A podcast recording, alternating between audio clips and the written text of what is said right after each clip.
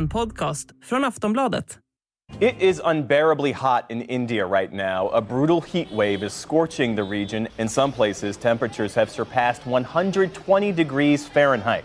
Every year, more than a billion people sweat their way through the region's dreaded heat waves, which usually start in late May. But this wave started unusually early in March and hasn't let up.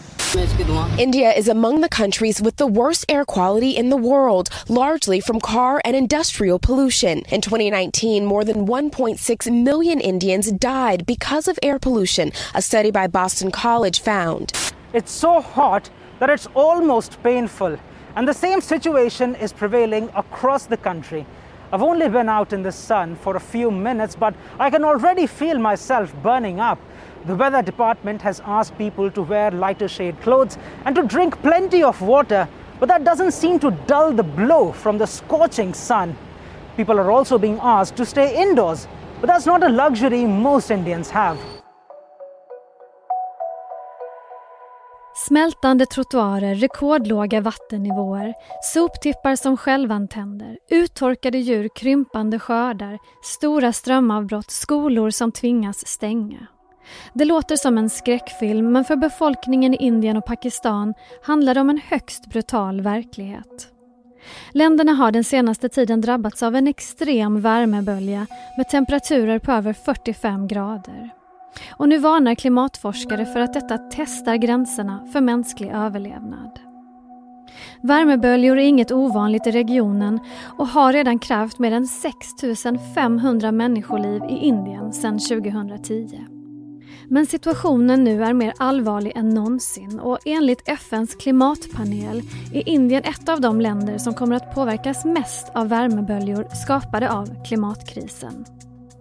Det här är något vi aldrig tidigare skådat och det kommer att få genomgripande effekter på människors hälsa, säger företrädare för klimatpanelen. Så är detta det nya normala? Vad kan den eskalerande hettan få för långtgående konsekvenser? Och vad händer med människorna i Indien och Pakistan om länderna fortsätter att drabbas på det här sättet? Det ska vi prata om i Aftonbladet Daily. Jag heter Olivia Svensson.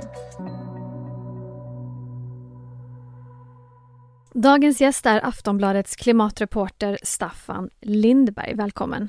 Tack! Om vi kan börja med att berätta hur läget ser ut just nu i den här regionen. Ja, men temperaturerna har sjunkit något från de här mest extrema nivåerna när det alltså var uppåt 50 grader. Det har gått ner lite grann nu. Det är något mindre, runt kanske 40 grader i många områden. Eh, men då ska man komma ihåg att vi är fortfarande bara inne i maj och den egentliga sommaren har inte börjat där än, så att det är en lång, lång väg innan det kommer att bli verkligt svalare temperaturer i höst. Och tendensen här verkar ju liksom peka i en och samma riktning. Alltså hur mycket oftare ser vi värmeböljor av den här sorten som har drabbat Indien och Pakistan? Ja, det, det som forskarna framförallt har tittat på är, man har ställt samman allt ifrån eh, extrem värme i till exempel Sverige till översvämningar i Bangladesh, eh, eh, torkar i Östafrika, i Somalia. Man, man försöker titta på de här händelserna och de händer ju inte så jätteofta. Eh, men det man har kunnat se är att de sker allt oftare eh, och när de sker så blir det mer av allt, eh, ännu hetare, eh, ännu längre torker, värre torker, eh, ännu värre hettor med, med högre temperaturer. Så det man kan säga är inte exakt så här ofta kommer vi få se den här typen av, av extrem hetta eh, i Indien eller extremt varma somrar i Sverige, utan bara att det finns ett samband med klimatförändringarna. Ju mer klimatförändringar, desto mer extremväder, desto extremare extremväder, desto oftare får vi se det. Och det här är ingenting som, som förvånar klimatforskare utan det känns snarare som att de eh, har någon slags retorik som, som går ut på att det här är det nya normala. Där är det nya normala. Eh, vi kommer behöva hantera mycket mer extrema väderhändelser i världen eh, av olika karaktär. Eh, det här är det nya normala just nu ska man säga därför att ju mer klimatförändringar vi får, eh, desto mer kommer den här gränsen förskjutas. Med klimatförändringar så kommer mycket mer energi in i systemet på jorden. Haven värms upp till exempel, vilket gör att det eh, kommer mycket, mycket mer vattenånga upp i atmosfären som rubbar en typ av jämvikt som har funnits. Det är bara ett exempel på alla de följder det får. Så att den jämvikt som har rått är i rubbning nu. Mer energi förs in i jordens klimatsystem och det får den här typen av händelser. Och ju mera klimatet värms upp, desto mer extremväder kommer vi med stor sannolikhet få se. Aftonbladet Daily är strax tillbaka.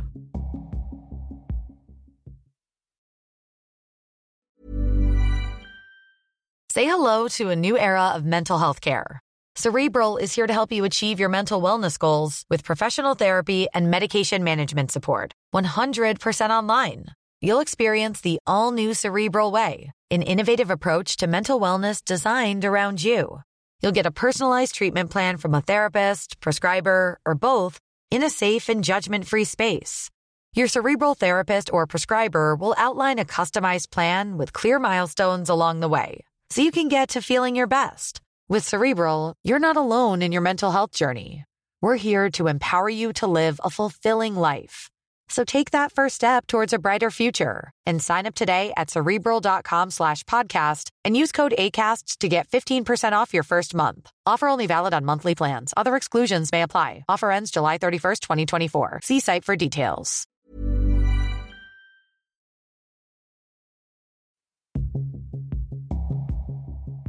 Ja, vi får ju rapporter om rena rama skräckscenarier från Indien och Pakistan med konsekvenser som vi kan se här och nu.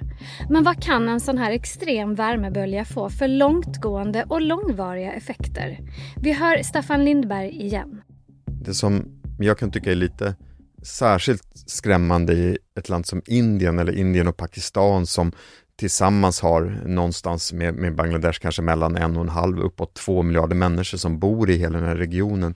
Eh, det är att, alltså det här är varma platser som det är. Det är en väldig hetta och det är otroligt mycket människor som bor där som är helt beroende om att, att de kan livnära sig på det här landet, att det här landet kan föda dem. Eh, och, och det är klart att det finns en gräns för när inte till exempel storskaligt jordbruk längre går att att, att upprätthålla här. Eh, vi har till exempel Punjab-området i, i norra Indien som är lite grann av Indiens kornbord kan man säga. Det kommer väldigt, väldigt mycket vete därifrån, eh, där vi haft extrema temperaturer, där guvernören nu går ut och varnar för att, att skörden kommer slå fel. Eh, så att det här får följder nu redan i år, men i år kan man säkert klara det. Men vad kommer hända långsiktigt? Kommer det kunna bo så här mycket människor i Indien om vi får väldigt mycket klimatförändringar. Det är det ena. Det andra är också hur människor påverkas. Hur påverkas vi människor rent biologiskt av att leva med temperaturer på över 40 grader långsiktigt. Vad händer i, i vårt system, vår hjärta, nervsystem och så? Det vet inte riktigt forskarna, men, men det är ganska otäckt att titta på för att, för att det kommer få följder. Kan man säga någonting om hur långt Alltså hur långt borta är den här punkten där Indien och kanske då också Pakistan, Bangladesh faktiskt riskerar att bli obeboeliga eh, platser? Ja, det är ingen som, som exakt kan säga var den punkten finns eh, idag. Eh, men det, och, och det, det, är no, det är någonting man får studera. Det går ju att göra vissa saker, man kan göra vissa saker, man kan Eh, till exempel bevattna mer, ordna konstbevattning eh, för att klara mer av jordbruket. Eh, det går att, att ordna platser dit människor kan söka sig, där man får skugga, där man kanske kan ligga och i, i luftkonditionering när det är som allra, allra, allra hetast. Så vissa saker kan man göra, men det är klart att, att långsiktigt så måste vi ha en, en jord där människor kan bo eh, och som, som kan upprätthålla mänskligt liv. Jag såg ett tv-inslag här innan vi började spela in som eh, handlade om bränder på soptippar och vilka otroligt farliga gaser som utvecklades då i de här bränderna. Alltså vad gör man nu för att underlätta för befolkningen då i de värst drabbade områdena? Eh, vad gör man liksom akut just nu? Indien är ett, ett land där människor är på det hela taget ganska vana att klara sig själva, att det inte finns särskilt mycket hjälp från myndigheten och, och så, så, är det nu också. Eh, det är så att man försöker på vissa platser dela ut vatten och liknande, men mest handlar det om att, att samhället st i, i, stora delar av Indien, eh, när det var som allra värst i alla fall, var, var ganska lamslaget. Eh, bönder slutade bruka sin jord, skolorna stängdes, det var för hett att vara där, människor gick inte till sina arbeten. Så att rätt så mycket är människor utlämnade och får klara sig själva så gott det går. Och väldigt många har ju också då jobb där de inte kan välja att vara inomhus eller att ta en paus eller vila, eller hur? Det, det ser inte ut så i de här regionerna.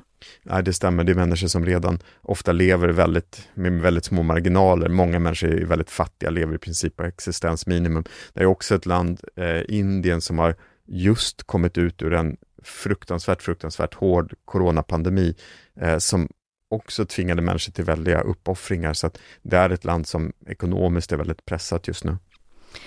I Pakistan, jag läste att man gick från vinter direkt till sommar utan att passera vår. Hur förväntar man sig nu att den kommande tiden kommer att se ut för den här delen av Asien? Du var inne på det i, i början av eh, vårt samtal, att jag menar, vi har ju, det är ju fortfarande bara maj.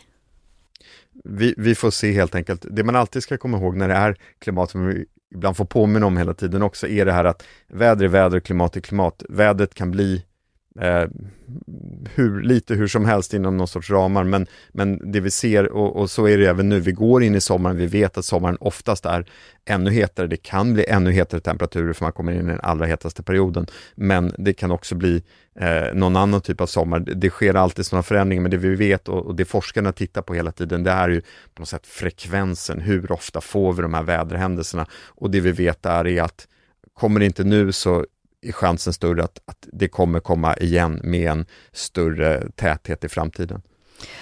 Vi har gjort många avsnitt eh, med dig Staffan där vi har pratat om klimatkriser och vad klimatförändringarna leder fram till. Nu ser vi den här extrema situationen. Vi har pratat om många andra eh, tidigare, men vad, det här blir ju en jättestor fråga, men, men vad behöver man göra för att se till att det inte blir ännu värre? Att vi inte ska se sådana här rubriker igen eh, nästa vecka. Finns det någonting som man kan liksom... Hur bråttom är det? Det är jättebråttom eh, och det kanske, kanske är en svår fråga att ställa. Det är inte en jättesvår fråga att besvara, för att det som måste göras är att, att utsläppen måste minska. Eh, de måste minska och de måste minska väldigt, väldigt fort nu. Eh, vi pratade ju för några år sedan om tio år och de där tio åren försvinner. Nu har vi kanske sju, åtta år på oss eh, för att klara Parisavtalet och det ser jättetufft ut. Det ser jättetufft ut sett hur världen ser ut nu. Världen håller på att öppna upp sig efter en pandemi. Utsläppen ökar snarare än minskar. Det är ett jättekritiskt läge. Men de, måste, de måste ner, det, det, finns inget annat. Det är klart, kortsiktigt finns det vissa saker man kan göra för att förbereda sig bättre för det extremvädret, förbereda befolkningen, skydda befolkningen, skydda eh, jordbruk och liknande, bevattning, eh, skugga, ordna så. Men, men långsiktigt så finns det inget annat att göra än att de här utsläppen måste minska. Och om vi säger att vi mirakulöst börjar minska utsläppen redan imorgon, hur lång tid tar det då innan världen kan anpassa sig efter någon, någon form av liksom bättre status? Det vi gör, gör vi nog ganska mycket, inte så mycket för oss som lever nu, utan för framtida generationer. Och jag tror att vi som lever nu eh, kommer nog få leva med att det är ganska mycket extremväder, så att även om de här utsläppen minskar nu är det så mycket energi i systemet redan som kommer att ställa till det och kommer att ge mer av den här typen av väderhändelser. Så att eh, hur det en gång var, hur det kanske var när vi var små eller så, kommer det antagligen inte bli igen, utan vi får nog, vi får nog hoppas på att kunna begränsa det på ett sätt som det är idag ungefär, att det inte ska liksom skena och bli ännu värre. Eh, det är någon sorts mer rimlig förhoppning. Då säger jag tack till dig, Staffan Lindberg, Aftonbladets klimatreporter. Tack. Jag heter Olivia Svensson och det här var ett avsnitt av Aftonbladet Daily, Sveriges största nyhetspodd. Tack för att du har lyssnat. Hej då.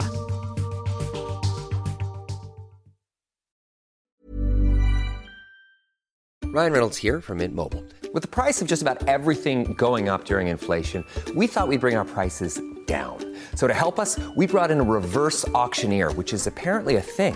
Mint Mobile unlimited premium wireless. Ready to get 30, 30, bit to get 30, bit to get 20, 20, 20, bit to get 20, 20, bit to get 15, 15, 15, 15 just 15 bucks a month. So, Give it a try at mintmobile.com/switch. slash $45 up front for 3 months plus taxes and fees. Promo for new customers for limited time. Unlimited more than 40 gigabytes per month slows. Full terms at mintmobile.com. Du har lyssnat på en podcast från Aftonbladet. Ansvarig utgivare är Lena K Samuelsson.